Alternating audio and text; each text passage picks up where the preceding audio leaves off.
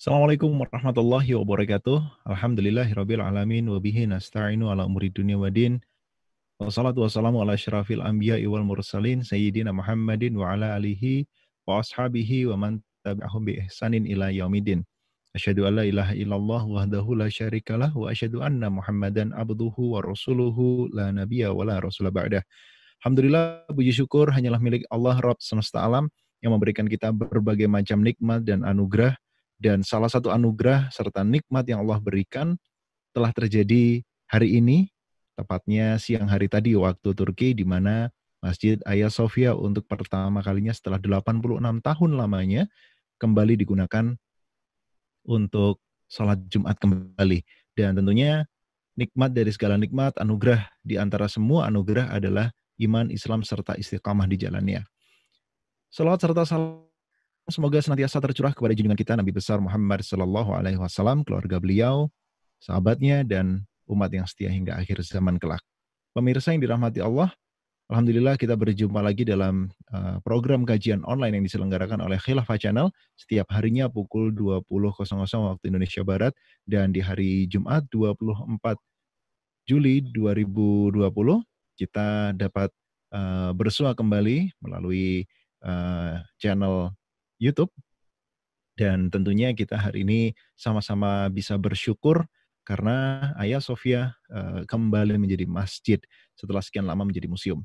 Dan di kesempatan malam hari ini, seperti biasa di hari Jumat malam, kita ditemani oleh beliau Kiai Haji uh, Muhammad Sidik Aljawi yang sudah ada di ujung kamera dan malam hari ini akan menyampaikan materi seputar penaklukan Konstantinopel kedua di akhir zaman mungkinkah akan ada penaklukan Konstantinopel kembali uh, di akhir zaman? Karena Konstantinopel sudah ditaklukkan sebelumnya oleh Muhammad Al-Fatih. Nah, sebelum kita masuk ke dalam materi, kita sapa terlebih dahulu Kiai Muhammad Sidik Al-Jawi. Assalamualaikum warahmatullahi wabarakatuh. Kiai. Waalaikumsalam warahmatullahi wabarakatuh. Sehat, Kiai? Alhamdulillah, sehat walafiat. Alhamdulillah. Tadi sore sempat menyaksikan uh, tayangan langsung sholat Jumat di Masjid Ayah Sofia? Uh, sempat sebentar ya. Soalnya ada ngisi juga saya ngisi kaji. Oh, ya, sempat iya, melihat. sempat melihat. Wah, gimana nih rasanya? Akhirnya setelah Jumat lalu kita uh, nanti-nantikan ya, ternyata hari ini Alhamdulillah berjalan uh, sholat Jumat pertama. Alhamdulillah. Nah, uh, ini kemudian uh, Yai, saya uh, tertarik juga dengan uh, statement apakah benar uh, bahwasanya pengubahan kembali uh, museum Hagia Sophia menjadi uh, Masjid Hagia Sophia uh, saat ini itu merupakan tanda atau uh, sesuatu yang berhubungan dengan penaklukan Konstantinopel yang kedua atau apakah mungkin Konstantinopel ini ditaklukkan dua kali, Yai? Sebelum nanti kita uh, masuk ke materi. Ya, baik. Jadi dalam kajian hadis-hadis Nabi, khususnya yang terkait ya. dengan akhir zaman, ya. ternyata ada hadis yang menjelaskan kota Konstantinopel itu akan ditaklukkan pada akhir zaman nanti, mm-hmm. persis sebelum keluarnya Dajjal. Jadi sebelum keluarnya Dajjal itu nanti akan ada penaklukan Konstantinopel yang kedua. Mm-hmm. Ya, jadi ternyata begini, Konstantinopel itu ditaklukkan dua kali. Yang pertama itu sudah terjadi pada tahun 1453. Ya, iya. Yang kedua belum. Oh. Yang kedua itu belum. Nah, dan itu ada hadisnya riwayat Imam Muslim ini adalah hadis yang sahih penaklukan oh, yang kedua. Cuma ini belum terjadi. Iya. Nah, bagaimana dengan uh, pembukaan kembali Masjid Ayah Sofia? Ini sebenarnya ya semacam uh, pendahuluan hmm. untuk penaklukan yang kedua. Jadi ini penaklukan kedua ini belum terjadi. Ya, baik, Jadi ini pembukaan ini ya kita syukuri walaupun belum sempurna mengembalikan Islam kepada umat Islam baik di Turki hmm. maupun umat Islam di seluruh dunia ini belum belum kembali seluruhnya, tetapi ya. suatu saat nanti akan kembali Islam ini uh, diamalkan secara kafah mm oleh umat Islam. Gitu. Iya. Uh, mohon maaf, uh, berarti ini penaklukan Konstantinopel kedua ini berbeda nanti dengan penaklukan Roma ya? Artinya Roma yang dimaksud bukan Roma Konstantinopel ini lagi ya? Uh, Konstantinopel itu nanti penaklukan yang kedua ini hmm. yang saya jelas yang akan saya jelaskan ini ini memang nanti uh, berkaitan dengan kondisi akhir zaman dan oh, itu iya, iya, iya. hampir berdekatan waktunya dengan penaklukan Roma. Oh, Cuma penaklukan Roma yang dikaitkan dengan penaklukan Konstantinopel itu kan Nabi pernah ditanya antara dua kota itu mana yang akan ditaklukkan lebih dulu, Konstantinopel ya. atau Roma? Itu Nabi ya. menjawab kota Konstantinopel. Nah, itu itu penaklukan yang keberapa? Itu adalah penaklukan ah, yang iya, pertama. Ya. Konstantinopel itu itu mendahului Roma. Nah, kapan penaklukan Roma? Itu ya hampir bersamaan dengan penaklukan Konstantinopel yang kedua, gitu. Iya, iya, iya. Masya Allah, ini uh, sesuatu yang uh, bagi kita ini uh, sesuatu yang baru pemirsa ya. Jadi ternyata ada penaklukan kedua Konstantinopel sebelum nantinya kota Roma itu benar-benar akan dibebaskan. Nah, untuk itu kami mempersilahkan kepada pemirsa Khilafah Channel untuk menyampaikan pertanyaan atau pendapatnya melalui live comment di channel YouTube Anda. Bisa di, ada yang di sebelah kanan atau mungkin uh, ada yang di, di bagian bawah juga. Silakan sampaikan pendapat ataupun pertanyaan Anda. Nanti insya Allah jika waktunya sempat karena memang kajian kita malam hari ini seru banget, seru sekali. Nah itu akan kita uh, bahas dalam sesi tanya jawab. Langsung saja kepada Kiai Haji Muhammad Sidik Aljawi, kami persilakan untuk menyampaikan paparan materinya. Baik, terima kasih. Uh, jadi malam ini kita akan membahas tentang penaklukan Konstantinopel yang kedua di akhir zaman. Nah, tentu yang menjadi pertanyaan dari kita adalah memangnya penaklukan Konstantinopel itu berapa kali di dalam hadis-hadis Nabi. Nah, ternyata sebenarnya ada dua kali penaklukan kota Konstantinopel. Yang pertama itu adalah penaklukan Konstantinopel dengan perang. Nah, ini sudah terjadi. Penaklukan Konstantinopel dengan perang atau bil kital. Ini sudah terjadi pada tahun 1453 yang lalu oleh Sultan Muhammad Al-Fatih. Ya, yang dengan itu kemudian salah satu dampaknya adalah ya Ayah Sofia yang dulunya itu adalah gereja berubah menjadi masjid. Ya, yang itu kemudian ada jeda sebentar, masjid berubah menjadi museum pada tahun 1934. Setelah itu berubah lagi menjadi masjid. Jadi sekarang ini Ayah Sofia ini posisinya masih berada pada fase penaklukan Konstantinopel yang pertama, ya. Nah, dalam kajian hadis-hadis itu nanti kita akan dapati penaklukan kota Konstantinopel yang kedua. Cirinya adalah penaklukan ini bidunil kital, yaitu tanpa terjadinya peperangan yang ini belum terjadi. Dan ini juga ada riwayatnya dari di dalam sebuah hadis yang sahih. Nah, baik, kita akan uh, sedikit mempelajari hadis-hadisnya ini. Jadi uh, yang pertama itu adalah hadis penaklukan yang pertama. Ini ada setidak-tidaknya dua hadis. Yang pertama adalah hadis dari Abu Kubail. Dari Abu Kubail itu dia mengatakan kunna inda Abdullah ibni Amr ibn al-As. Ya, dahulu kami pernah berada di dekatnya uh, Abdullah bin Amr bin al-As wa su'ila ayul madinataini tuftahu awalan Al-Qustantiniyatu Aurumiyatun. Aurumiyah. Jadi Abdullah bin Amr bin Al-As ini kemudian ditanya, mana dari dua kota yang akan ditaklukkan lebih dahulu, apakah Konstantinopel atau Roma? Fada'a Abdullah bisundukin lahu halak. Lalu kemudian uh, Abdullah itu, yaitu Abdullah bin Amr bin Al-As tadi kemudian meminta ya sebuah kotak yang kotak itu ada cincinnya qala fa akhraja minhu kitaban lalu periwayat hadis mengatakan Abdullah ini kemudian mengeluarkan sebuah surat dari kota itu.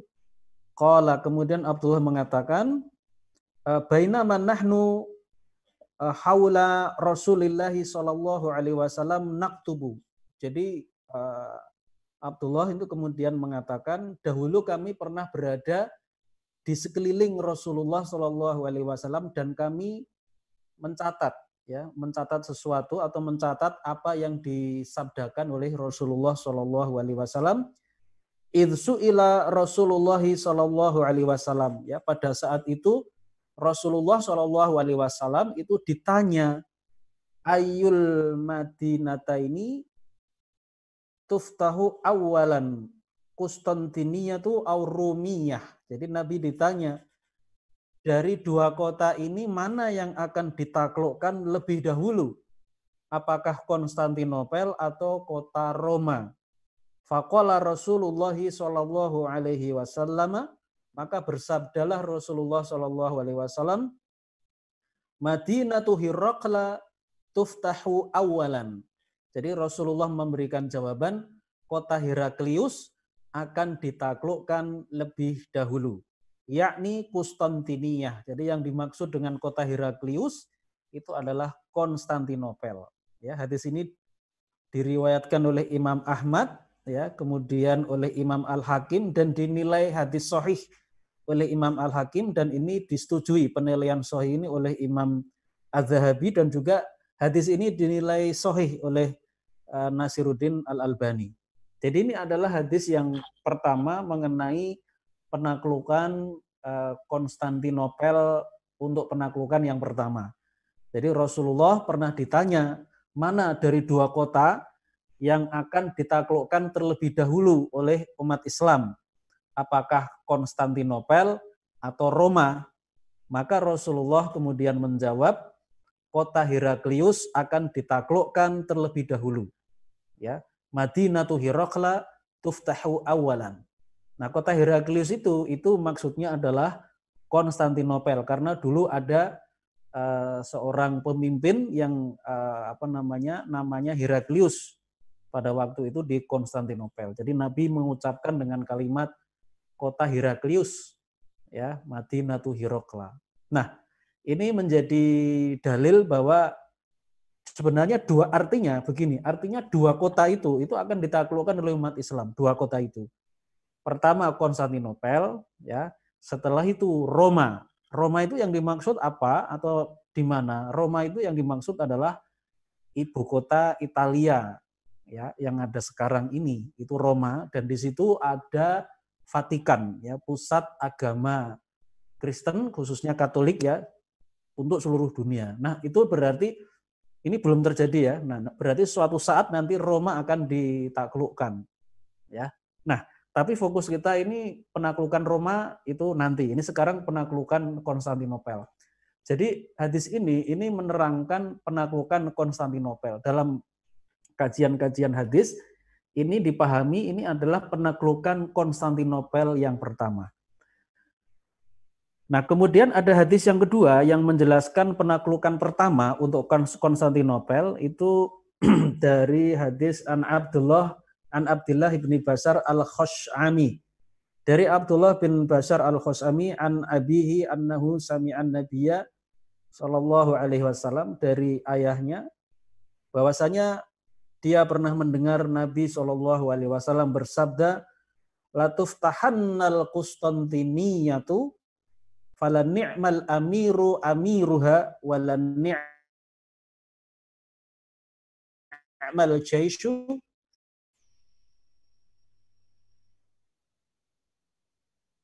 Dzalikal jaish. Sebaik-baik pemimpin adalah pemimpin penaklukan kota itu dan sebaik-baik pasukan adalah pasukan penaklukan kota itu. Ini hadis riwayat Imam Ahmad dan yang lainnya. Hadis ini sahih menurut Imam Al-Hakim dan Az-Zahabi. Walaupun ada sebagian ulama yang melemahkan atau mendoifkan hadis ini. Di antaranya Imam uh, Nasiruddin Al-Albani dan uh, Syekh Al-Arnaud ya dalam tahqiq musnad. Jadi beliau ini mentahqiq hadis musnad Ahmad bin Hambal dan memberikan uh, penilaian derajat hadisnya apa. Nah, baik ini kalau kita mengambil pendapat yang sohih, hadis ini sohih, ini artinya ini adalah penaklukan Konstantinopel yang pertama, ya bahwa suatu saat kota Konstantinopel ini akan ditaklukkan, ya dan ini adalah sudah terjadi. Jadi ini hadis yang kedua ini, ini maksudnya sama dengan hadis yang pertama tadi. Ini berbicara tentang penaklukan kota Konstantinopel. Itu penaklukan yang keberapa? Itu adalah yang pertama tahun 1453 yang itu sudah terjadi. Yang cirinya adalah penaklukan itu dilakukan dengan perang. Nah ternyata eh, hadirin yang berbahagia, ternyata ada penaklukan yang kedua kalau kita mempelajari hadis-hadis Nabi tentang akhir zaman khususnya. Yang penaklukan kedua itu cirinya adalah kota Konstantinopel itu tidak ditaklukkan dengan perang. Jadi tidak ada peperangan sama sekali.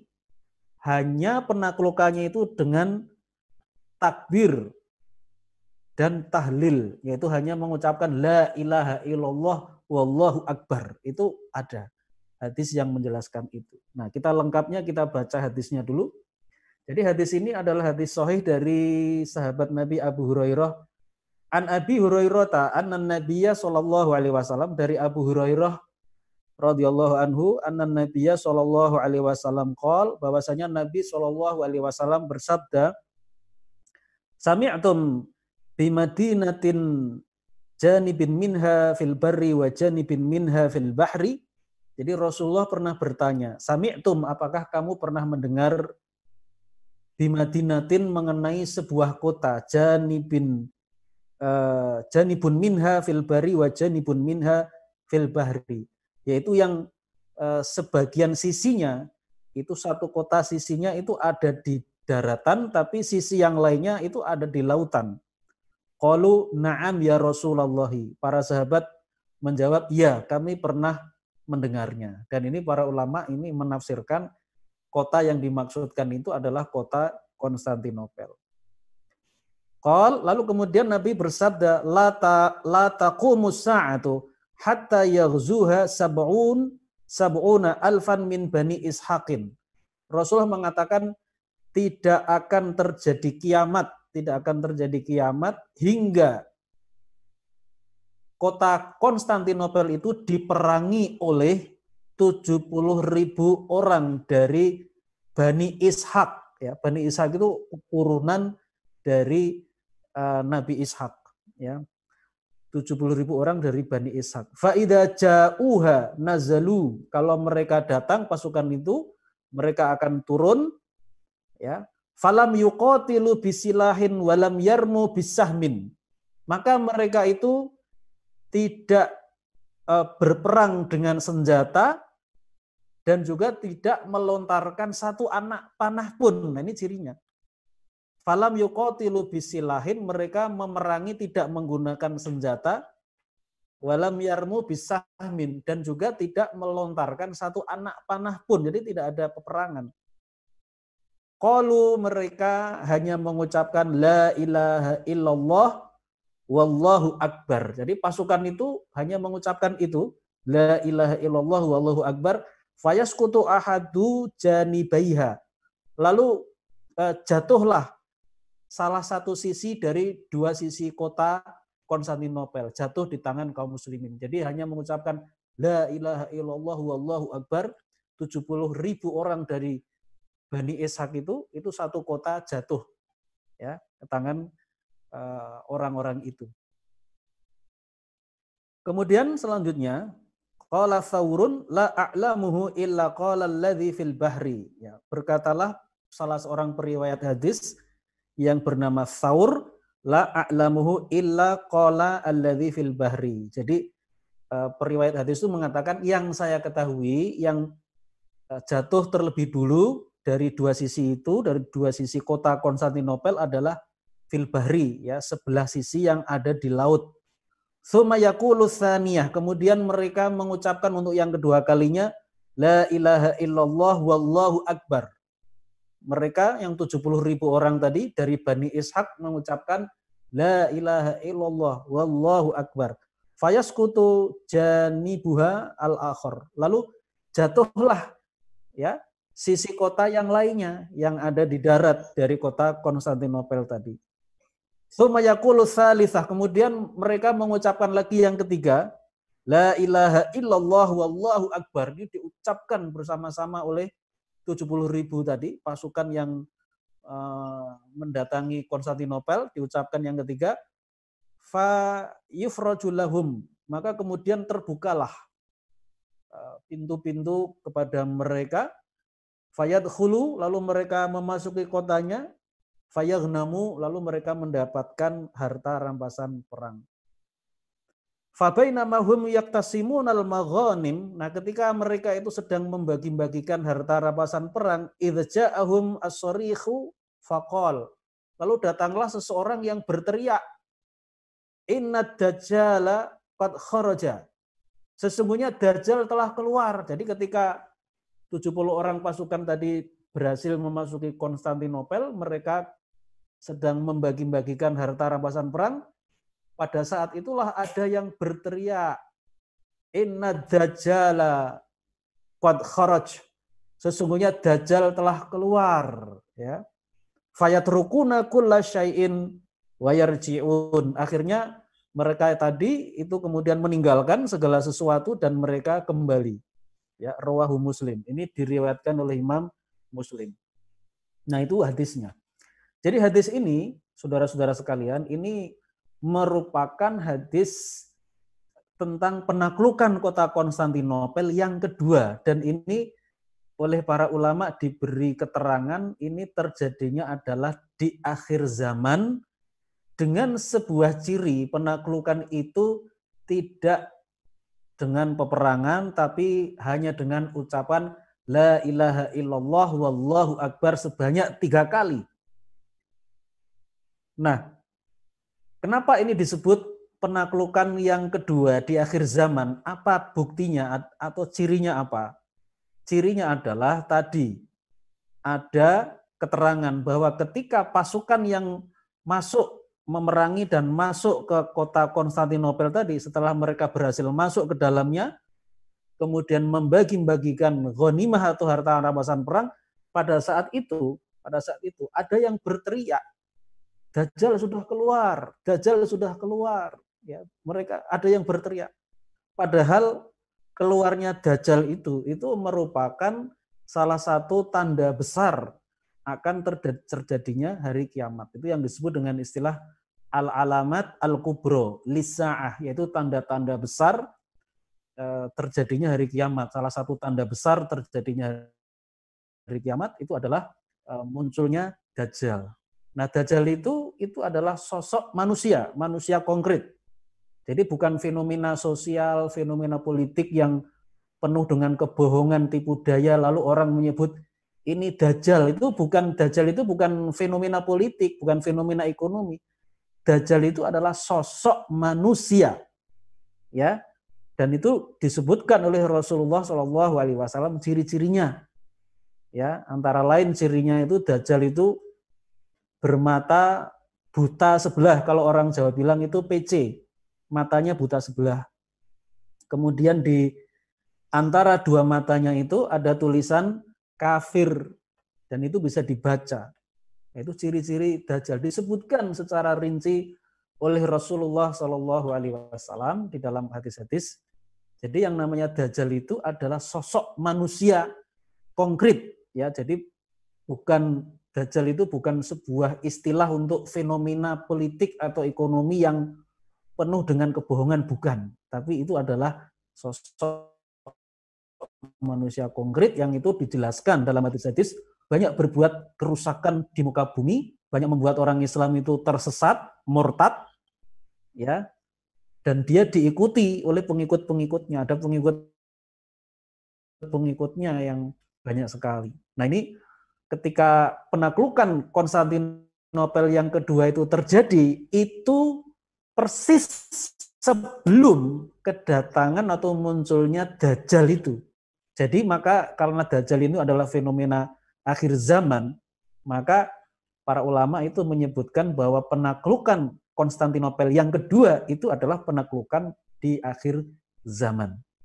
Kemudian sifat yang lain dari penaklukan Konstantinopel yang kedua ini adalah ini berbeda dengan yang pertama, penaklukan yang pertama. Kalau penaklukan yang pertama itu terjadi dengan perang, dengan kital.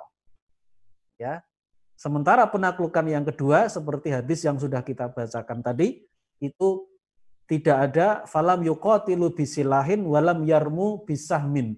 Jadi pasukan yang menaklukkan Konstantinopel itu lam yuqatilu bisilahin, tidak tidak berperang dengan senjata.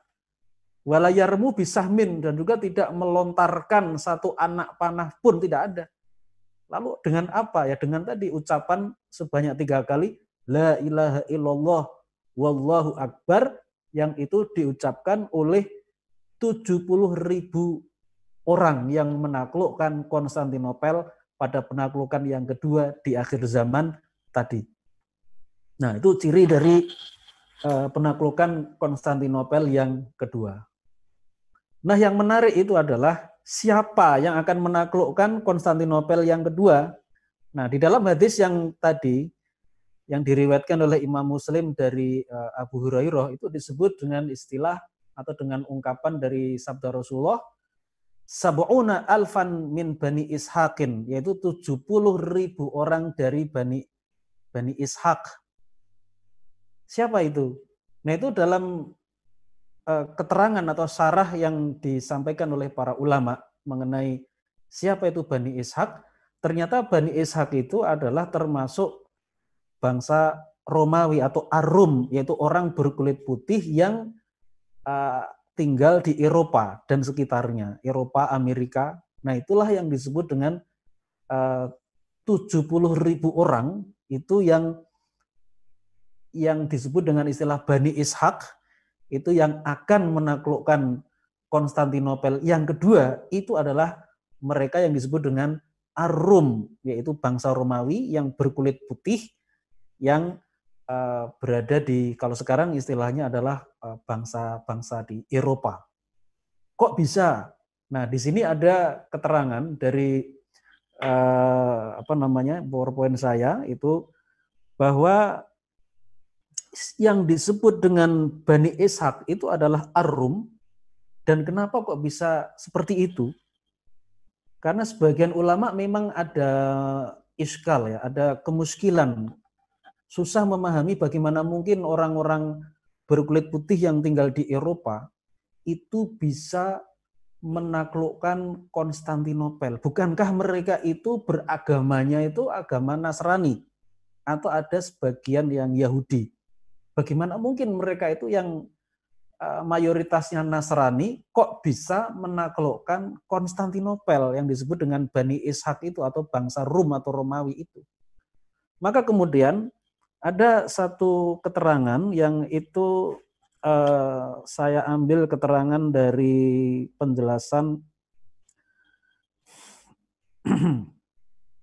dari sebuah kitab yang berjudul As-Sunan Al-Waridah fil Fitan wa Iliha yang ditulis oleh Imam Ad-Dani pada halaman 100 1122. 1122 itu ada keterangan bahwa 70 ribu orang dari Bani Ishak atau bangsa Romawi yang menaklukkan Konstantinopel itu ada kemungkinan mereka itu masuk Islam. Jadi awalnya memang agamanya Nasrani, tetapi mereka masuk Islam di tangan Nabi Isa alaihissalam. Jadi ini penafsiran yang menurut saya cukup bagus, artinya bisa kita fahami dengan fenomena turunnya Nabi Isa di akhir zaman. Itulah yang akan menjadi faktor yang sangat besar mengakibatkan banyak orang-orang Nasrani dan juga orang-orang Yahudi itu masuk Islam. Masuk Islam. Ya, karena yang mengoreksi kekeliruan agama Nasrani itu adalah Nabi Isa sendiri. Itu sangat besar sekali pengaruhnya. Sehingga kemudian tidak mengherankan lalu banyak orang-orang bangsa-bangsa Eropa yang mayoritasnya adalah penganut agama Nasrani, kemudian masuk Islam. Nah, ketika mereka itu masuk Islam, ya, maka kemudian mereka itulah yang nanti akan menjadi penakluk-penakluk dari kota Konstantinopel. Gitu. Nah, oke okay, itu. Nah, ini saya kutipkan satu lagi uh, penjelasan uh, seorang ulama yang menarik ya, saya kutip di sini dari Syekh Ahmad Syakir. Syekh Ahmad Syakir ini beliau membuat penjelasan mengenai penaklukan Konstantinopel itu dengan mengatakan begini ini teks Arabnya ada di PowerPoint saya tapi ini saya langsung baca terjemahannya. Syekh Ahmad Syakir mengatakan penaklukan Konstantinopel yang merupakan kabar gembira dalam hadis ini yang penaklukan kedua maksudnya ya, akan terjadi di masa yang akan datang cepat atau lambat yang hanya diketahui oleh Allah Azza wa Jalla. Penaklukan ini adalah penaklukan yang benar, yang sahih, yang terjadi ketika kaum muslimin kembali pada agamanya, yang sebelumnya mereka telah berpaling dari agamanya itu, yaitu dari Islam. Ya, yang uh, apa namanya ya yang sebelumnya mereka berpaling dari agamanya itu.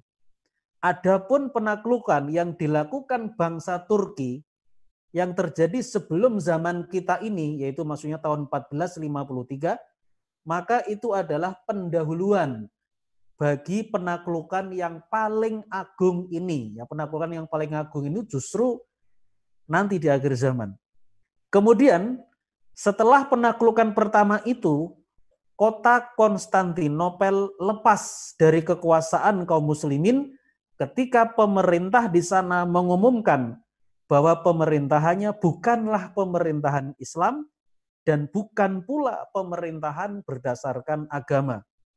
Mereka lalu mengadakan perjanjian dengan orang-orang kafir, yaitu musuh-musuh Islam, dan memberlakukan undang-undang paganisme kafir kepada penduduknya, kepada kaum muslimin, penaklukan islami akan kembali terjadi untuk Konstantinopel insya Allah sebagaimana Rasulullah Shallallahu Alaihi Wasallam telah menyampaikan kabar gembiranya mengenai hal ini. Nah ini dikemukakan oleh uh, Syekh Ahmad Syakir dalam kitabnya Hasiyah Umdatut Tafsir An Ibni Kathir pada juz yang kedua halaman 256. Jadi ini menurut saya ini sebuah uh, proses apa bu, sebuah pemahaman hadis ini yang yang yang menurut saya cukup bagus ya. Jadi beliau memahami bahwa penaklukan dengan tadi penaklukan Konstantinopel dengan mengucapkan la ilaha illallah wallahu akbar itu belum terjadi.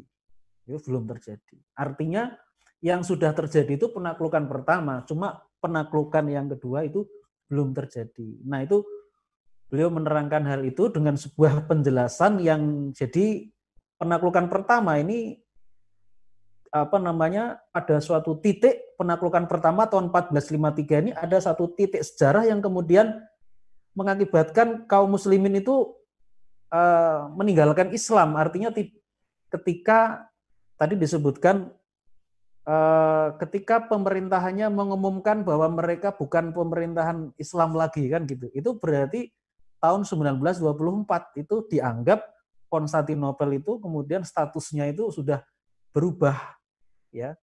Yang semula itu di bawah pemerintahan Islam lalu bukan pemerintahan Islam kan gitu. Nah, ini berarti ada penyimpangan, penyimpangan dari agama Islam. Nah, ini penyimpangan agama Islam seperti ini atau ketidakpatuhan kepada agama Islam ini suatu saat, suatu saat ini kaum muslimin di Turki akan kembali ya kembali kepada Islam secara sempurna itu ketika terjadi penaklukan Konstantinopel yang kedua. Itu akan sempurna kembali. Tapi sebelum itu ya ini berarti masih belum, masih berproses menuju ke penaklukan yang kedua. Uh, baik, jadi uh, barangkali itu yang bisa saya sampaikan pada kesempatan malam hari ini tentang penaklukan yang kedua untuk kota Konstantinopel di akhir zaman nanti. Terima kasih. Assalamualaikum warahmatullahi wabarakatuh. Waalaikumsalam warahmatullahi wabarakatuh. Alhamdulillah, uh, pemirsa yang dirahmati Allah, baru saja kita ikuti kajian dari beliau, Kiai Haji Muhammad Siddiq Al-Jawi tentang penaklukan kedua Eh, kota Konstantinopel. tadi ada sebuah uh, statement yang menarik bahwasanya yang menaklukkan uh, Konstantinopel uh, dalam penaklukan kedua itu tidak dilakukan dengan uh, perang ya? Iya iya. Artinya ya. Uh, tadi dikatakan hanya dengan kalimat takbir, tahmid begitu ya? Iya. Itu indikasinya uh, bagaimana itu? Iya. Iya, tadi di dalam hadis kan jelas bahwa Rasulullah sendiri mengatakan falam yuqatilu bisilahin walam walam yarmu bisahmin bahwa yang hmm. menaklukkan kota Konstantinopel untuk penaklukan yang kedua itu mereka tidak berperang dengan senjata juga tidak hmm. melemparkan satu anak panah pun. Lalu bagaimana penaklukan itu terjadi? Yaitu dengan mengucapkan kalimat la ilaha illallah wallahu akbar. Kan ada keterangannya seperti itu. Nah, kalau ini ya, ya. ditanyakan lebih jauh lagi, Iya, betul. Bagaimana mungkin hal itu bisa terjadi? Menurut uh -huh. pemahaman saya, itu dimungkinkan dalam satu keadaan yaitu ketika yang menaklukkan, pasukan yang menaklukkan yang, dan yang ditaklukkan itu sama-sama muslim gitu loh. Hmm. Ini berbeda dengan penaklukan pertama. Ketika penaklukan pertama yang menaklukkan itu muslim, tapi yang ditaklukkan itu non muslim kan, sehingga terjadi yeah. perang. Betul. Gitu. Tapi nanti pada penaklukan yang kedua, yang menaklukkan tuh muslim gitu loh. Yang ditaklukkan hmm. penduduk Konstantinopel itu juga muslim. Nah ini tentu sesama muslim itu kan yang lebih baik mana? Berperang atau tidak? Kan ya sudah. Kalau saya iya, iya, iya. memahami berarti penduduk kota Konstantinopel mereka nampaknya memiliki sikap begini. Ya sudah kita nggak usah berperang lah itu saudara kita sama muslim gitu. Hmm akhirnya ya sudah ketika pasukan datang mengucapkan la ilaha illallah wallahu akbar ya sudah kita menyerah saja. Karena apa? Mm -hmm. Ya sesama muslim gitu. Iya. Nah, iya, jadi iya. itu yang bisa saya jelaskan kenapa itu terjadi karena pasukan yang menaklukkan untuk penaklukan yang kedua dan yang ditaklukkan itu sama-sama muslim. Mm -hmm. Ngapain juga perang gitu loh. Iya. Nah, gitu.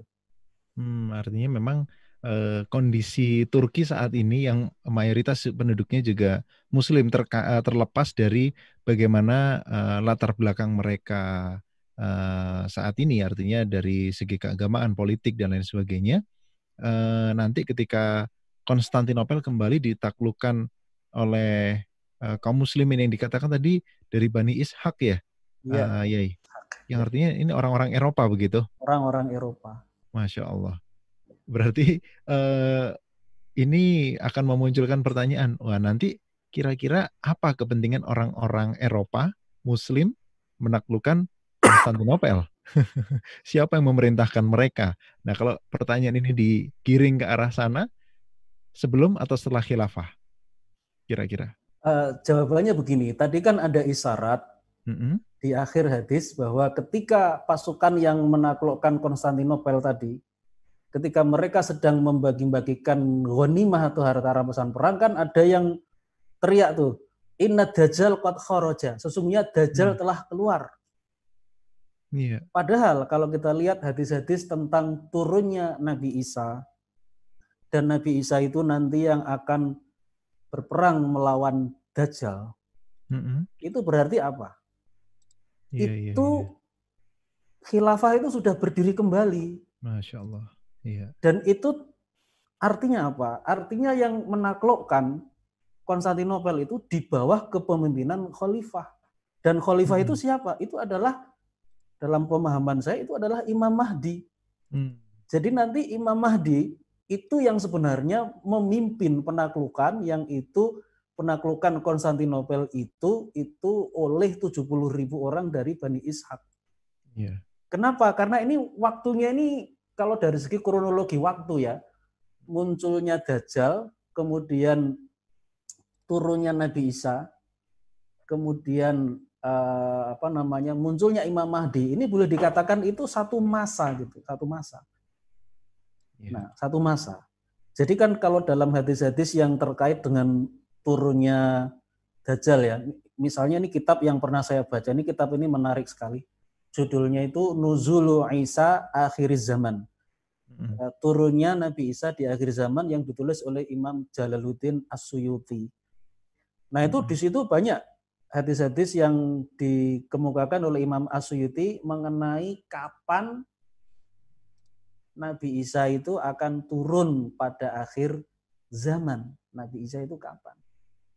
Nah ternyata Nabi Isa itu turun, itu diterangkan ada hadisnya. Nabi Isa itu akan turun, jadi diterangkan dalam hadis. Nabi Isa akan turun itu dari langit ke sebuah menara. Menara yang berwarna putih di kota Damaskus. Itu diterangkan sampai detail dalam hadis. Iya, iya, iya, Damaskus. Dan turunnya itu diterangkan itu menjelang waktu subuh. Menjelang waktu hmm. subuh. Nah, di masjid itu, di kota Damaskus itu, masjid itu, itu sedang bersiap-siap untuk melaksanakan sholat subuh. Siapa itu? Imam Mahdi dan pasukan kaum muslimin yang ada di situ yang bersiap-siap mau berperang melawan Dajjal. Gitu. Jadi konteksnya seperti itu. Nah, iya. ketika Nabi Isa itu turun ya lewat menara, lalu ketika sudah turun ke bawah ruangan masjid, di situlah Imam Mahdi dan orang-orang yang ada di sekitarnya itu mengenali beliau ini adalah Nabi Isa alaihissalam. Lalu Imam Mahdi yang sudah siap-siap menjadi imam sholat itu dia mau mundur ke belakang, ingin mempersilahkan Nabi Isa itu maju menjadi imam sholat. Tapi ini ditahan, ditahan sama Nabi Isa. Nabi Isa mengatakan, antum amir amirun ba'dukum ba'don. Kamu itu adalah pemimpin sebagian kamu kepada sebagian yang lain. Takrimatallahi hadhil ummah. Ini adalah kemuliaan yang diberikan oleh Allah untuk umat ini, untuk umat Islam. Akhirnya apa?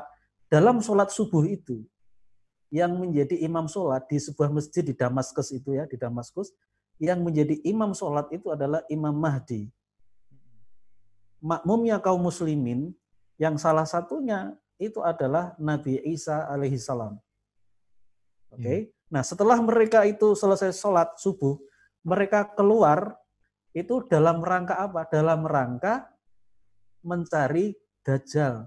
Nah, hmm. Dajjal itu dia memang berkeliling ke muka bumi, berbuat kerusakan di mana-mana, menyesatkan banyak orang, itu yang nanti akan diperangi oleh Nabi Isa alaihissalam beserta pasukan dari Imam Mahdi. Jadi kalau saya mengkaitkan dengan keterangan ini dalam kitab Nuzulu Isa fi akhir zaman, turunnya Nabi Isa di akhir zaman di kitab yang ditulis oleh Imam Jalaluddin Asyuti itu, kalau saya kaitkan dengan kapan uh, terjadinya penaklukan Konstantinopel, yaitu itu sangat waktunya kronologinya itu bertepatan atau hampir bersamaan dengan uh, apa namanya munculnya Dajjal. Jadi penaklukan Konstantinopel itu persis sebelum munculnya Dajjal. Padahal Dajjal itu nanti akan diperangi oleh siapa? Dia itu nanti akan diperangi oleh Imam Mahdi bersama Nabi Isa alaihi salam. Itu. Nah, dan satu lagi yang penting untuk dipahami adalah berarti berarti khilafah itu akan muncul lebih dulu karena nah, antara khilafah dengan itu Imam yang mau saya tanyakan. itu yang ya, mau saya tanyakan. Antara khilafah dengan Imam Mahdi itu lebih ya. dulu munculnya khilafah daripada nah, Imam Mahdi. Ya, Karena ya, ada ya. hadis riwayat Imam Abu Dawud dalam Sunan Abu Dawud itu diterangkan uh, yakunu ikhtilafun inda mauti khalifatin. Akan ada ikhtilaf perselisihan pendapat inda mauti khalifatin pada saat matinya seorang khalifah. Saya khruju rajulun minal madinati hariban ila Makkah. Lalu pada saat itu dalam konteks ketika seorang khalifah itu meninggal dunia, ada perselisihan pendapat, keluarlah seorang laki-laki dari kota Madinah, dia lari hmm. menuju Makkah. Itulah Imam Mahdi. Ini hadis iya. riwayat Imam Abu Dawud dan juga dalam hadis riwayat Tobroni. Ada dua kitab hadis yang menerangkan itu. Jadi ini artinya apa? Imam Mahdi itu munculnya itu ketika ada seorang khalifah yang meninggal dunia, Lalu timbul perselisihan, ikhtilaf. Nah, di situlah Imam Mahdi itu akan muncul. Ya, Imam Mahdi ya. akan muncul. Jadi Imam Mahdi itu dengan adanya khalifah yang sebagai pemimpin negara khilafah itu kan namanya khalifah. Itu berarti eksistensi khalifah dengan khilafah itu lebih dulu ada dibanding Imam Mahdi. Ya, Imam Mahdi. Jadi nanti hmm. khilafah akan berdiri dulu, entah nanti berapa lama, di situlah baru Imam Mahdi muncul. Ya. Nah, ketika Imam Mahdi muncul, di situlah ada Dajjal dan turun Nabi Isa alaihi salam. Dan di situ juga terjadi artinya apa? Penaklukan Konstantinopel yang kedua itu ya terjadi pada masa-masa itu gitu loh.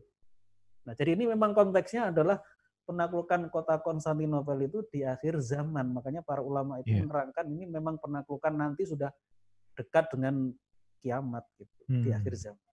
Masya Allah.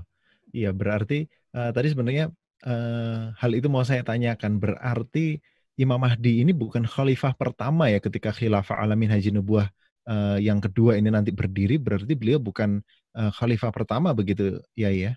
Bukan, bukan khalifah yang pertama. Uh -uh. Karena Imam Mahdi itu akan muncul ketika ada khalifah yang meninggal. Iya. Berarti Dan, kan uh -uh. Imam Mahdi itu bukan khalifah yang pertama. Gitu. Iya. Dan nggak bisa ya istilahnya frase uh, terkait dengan khalifah yang meninggal kemudian tiga orang anaknya bertikai ini kemudian disematkan kepada uh, King Salman sekarang yang ada di Arab Saudi ya yang kebetulan anaknya tiga juga. Jadi khalifah itu itu memiliki makna syar'i. Uh -uh. Jadi tidak bisa khalifah itu kemudian hadis itu dipahami itu adalah raja sekarang hmm. dalam konteks uh, kerajaan itu tidak bisa. Iya, Jadi iya, ini iya ini berarti metode pemahaman hmm. hadis ini harus ya apa namanya harus kita pahami dengan baik ya. Jadi hmm. ini di dalam kitab yang berjudul As-Saksiyah Al-Islamiyah pada juz yang ketiga yang ditulis oleh Setaqiyuddin Anabhani.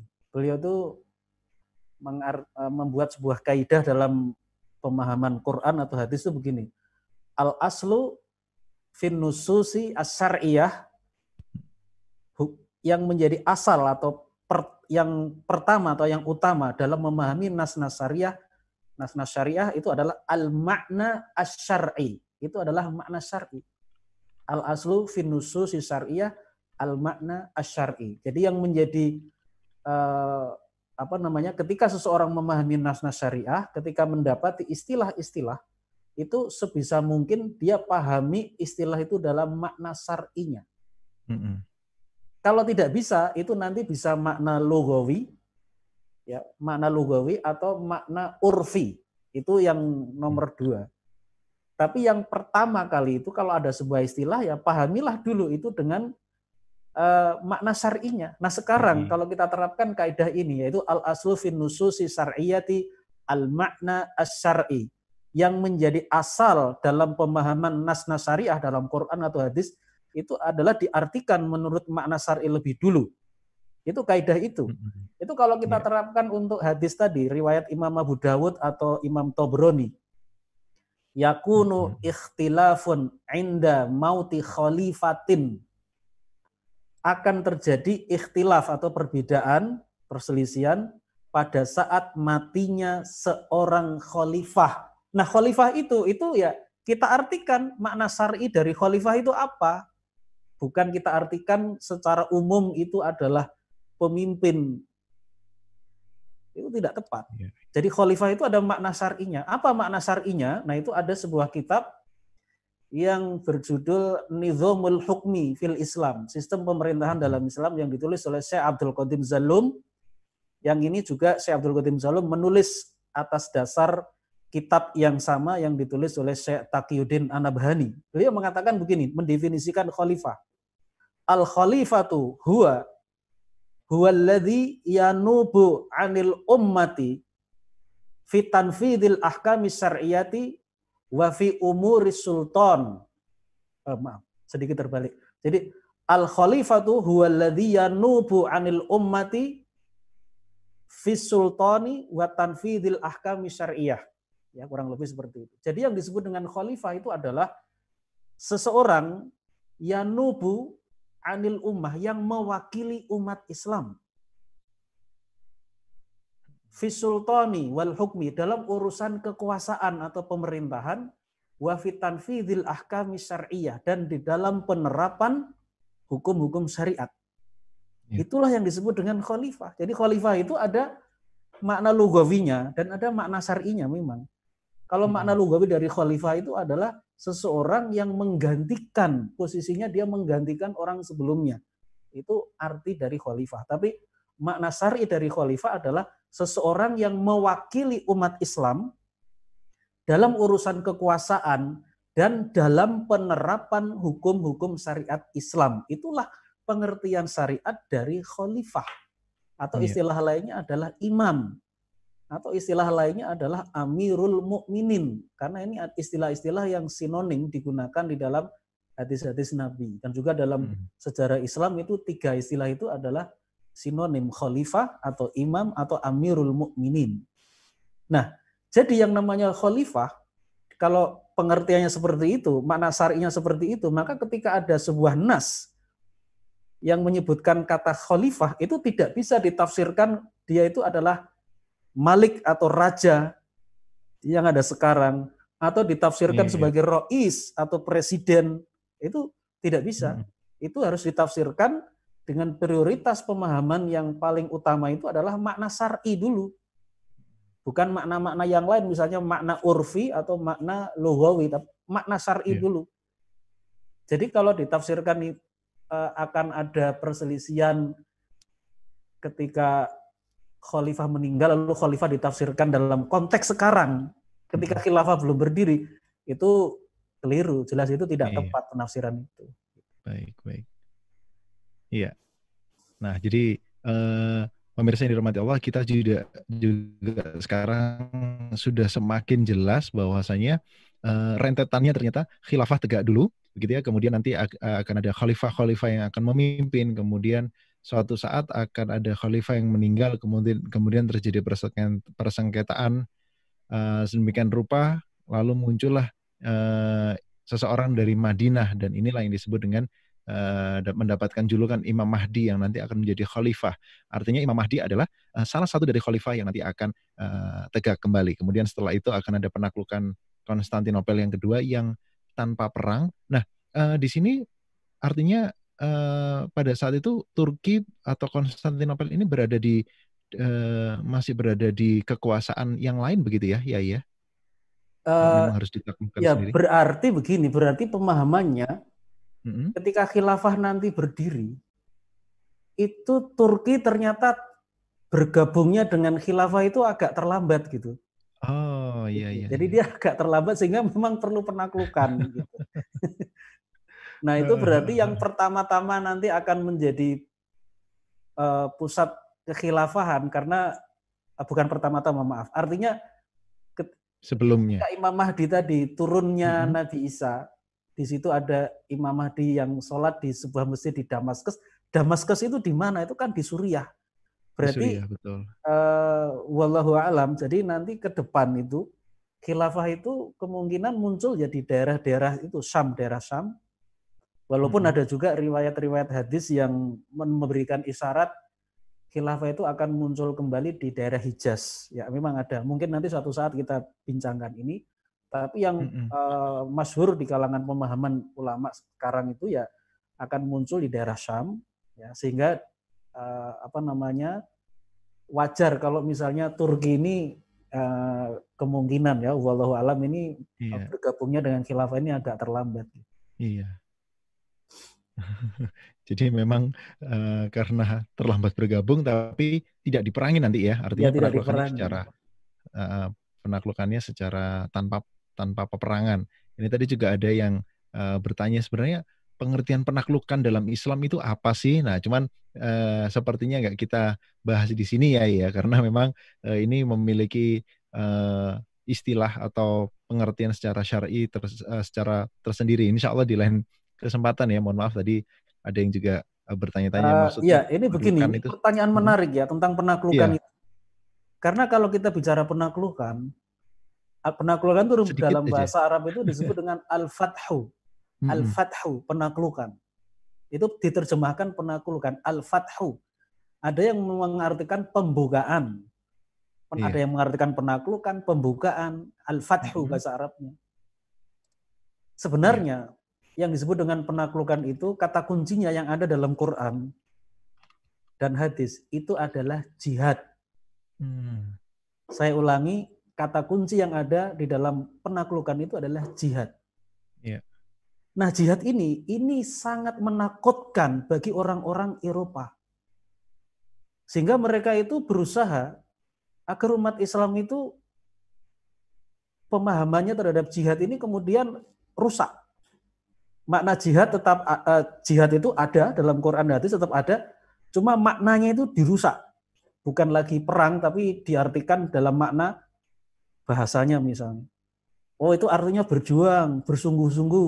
Pokoknya kalau kamu bersungguh-sungguh belajar, bekerja, itulah jihad. Jihad itu bukan perang loh. Ini menurut saya ini bukan pemikiran yang murni dari Islam, tapi sudah ada disinformasi, sudah ada uh, distorsi dari non-Muslim. Kenapa mereka itu kemudian memiliki kepentingan untuk uh, supaya pengertian jihad ini menjadi uh, tidak utuh, ya, tidak tidak orisinil, karena mereka nampaknya itu tahu ada hadis-hadis yang kaum muslimin itu suatu saat akan menaklukkan Romawi, eh, maaf menaklukkan yeah.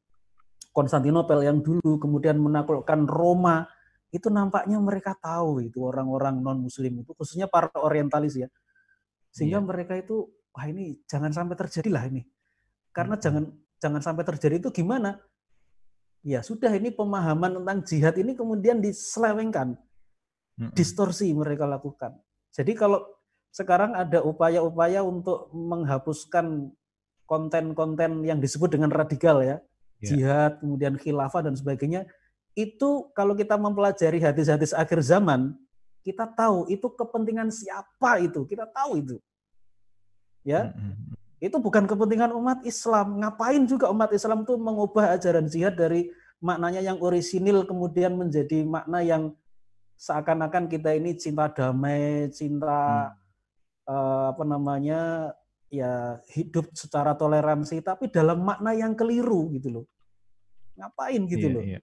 Jadi sebenarnya penghapusan konten jihad termasuk konten khilafah itu sebenarnya bukan kepentingan kita umat Islam, mm-hmm. tapi kepentingan bangsa-bangsa barat. Nah, itu mungkin yeah. nanti bisa kita bahas lain kali. Ini sekarang mm-hmm. ini kita baru bicara tentang penaklukan Konstantinopel. Konstantinopel. Yang, yang kedua. kedua Jadi rentetannya rentetannya panjang sekali ini. Panjang sekali. Uh, betul, termasuk uh, dari beberapa pertemuan uh, yang kebetulan saya uh, menjadi uh, pemandu acara begitu itu uh, sering kali juga muncul pertanyaan uh, apakah benar sih yang dimaksud dengan mulk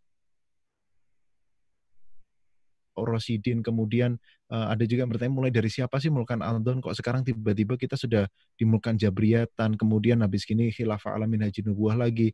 Itu banyak sekali pertanyaan pertanyaan-pertanyaan seputar itu. Dan malam ini uh, hadir lagi gitu. Jadi uh, apakah Khilafah yang benar atau Alamin Haji Nubuah itu hanya 30 tahun kemudian muncul uh, apa namanya kerajaan-kerajaan. Nah itu Eh, pertanyaan-pertanyaan semacam ini uh, banyak sekali ya, termasuk juga dengan uh, apakah benar Imam Mahdi itu keturunan dari uh, Quraisy, kemudian keturunan Rasulullah Sallallahu Alaihi Wasallam, artinya masih ada garis darah begitu. Uh, terlebih lagi nanti munculnya beliau dari Madinah. Nah ini sepertinya kita perlu buatkan tema khusus ya. Iya, jadi Siti. ini uh, bagus ya. Jadi pertanyaan-pertanyaan dari umat ini, ini saya kira uh, alhamdulillah ini patut kita syukuri gitu ya yeah. bahwa ini nih sebenarnya ada kajian-kajian yang memang perlu kita lakukan untuk memahami itu apa benar hmm. misalnya khilafah itu hanya 30 tahun khilafah alamin haji nubuah 30 tahun yeah. terus tadi tahapan tentang mulkan aldon ya kekuasaannya yeah. menggigit dan seterusnya itu menarik menarik iya. sekali yeah. nah jadi Nah. Uh, mudah-mudahan ya nanti bisa kita kasih lagi pada kesempatan-kesempatan berikutnya insya Allah ya. Iya, alhamdulillah, masya Allah. Uh, ini pertanyaannya masih uh, banyak sekali terkait juga dengan uh, hari ini karena memang ini ya, ya iya, uh, kita nggak bisa memungkiri bahwa penaklukan Ayah Sofia uh, atau pembukaan kembali Masjid Ayah Sofia ini apalagi hari ini tadi tanggal 24 Juli sudah digunakan kembali untuk sholat Jumat, itu nggak bisa dipungkiri bahwa ini adalah kebahagiaan tersendiri buat kita gitu. Jadi kemudian akhirnya kita sekarang semakin bersemangat untuk gimana caranya nanti benar-benar Konstantinopel, kemudian uh, seluruh wilayah di uh, muka bumi ini rata dengan Islam. Jadi uh, memang pertanyaan masih banyak bergulir bahkan sampai sekarang yang memang saya nggak bisa masukkan begitu, nggak bisa saya database satu persatu.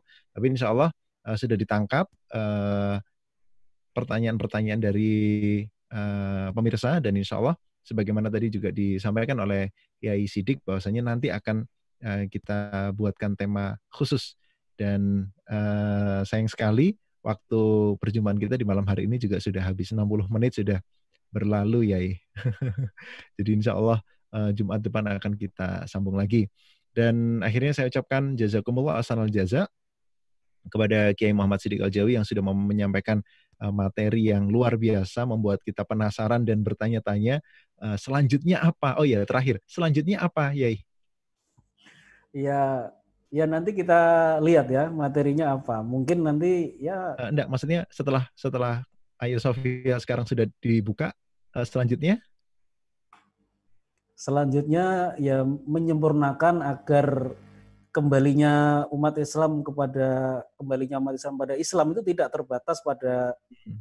kita sholat kembali di Ayah Sofia, tapi proses sekularisme di Turki hmm. itu harus kita desekularisasi. Jadi sebenarnya kan kalau ah. saya lihat nih uh, Ayah Sofia dibuka kembali itu proses mm-hmm. desekularisasi. Jadi kebalikan dari sekularisasi yang dilakukan oleh Mustafa Kamal itu ada desekularisasi. Tapi yeah. desekularisasi ini mm-hmm. belum selesai dengan adanya Masjid Ayah Sofia ini kita pakai sholat mm-hmm. lagi itu belum selesai desekularisasi itu perlu kita tuntaskan desekularisasi sampai Islam hmm. ini yang kafah kembali uh, muncul di muka bumi. Jadi saya kira itu. Ya, itu dia ya uh, pesan dari Kiai Sidik untuk kita semua. Jadi terus berjuang, semangat untuk menegakkan Islam. Terima kasih atas perhatiannya dan mohon maaf atas segala khilaf. Saya Ahmad Adiasta selaku pemandu acara di kesempatan malam hari ini. Pamit undur diri. Idina suratul mustaqim. Bila taufiq wal hidayah. Assalamualaikum warahmatullahi wabarakatuh. Waalaikumsalam. Menuntut ilmu agama adalah wajib bagi setiap muslim. Di zaman ini, kita dapat melakukannya kapan pun dan di mana pun. Meski masa pandemi sedang berlangsung, tetapi tak ada alasan untuk tidak menambah kapasitas diri dengan sakofah Islam. Khilafah Channel memfasilitasi Anda berjumpa dengan para guru yang mumpuni dalam rangka berbagi ilmu dan sakofah Islam agar Anda makin paham tentang syariat Islam dan terhindar dari gagal paham serta salah paham. Ikuti kajian online kami setiap hari pukul 20.00 waktu Indonesia Barat hanya di Khilafah Channel.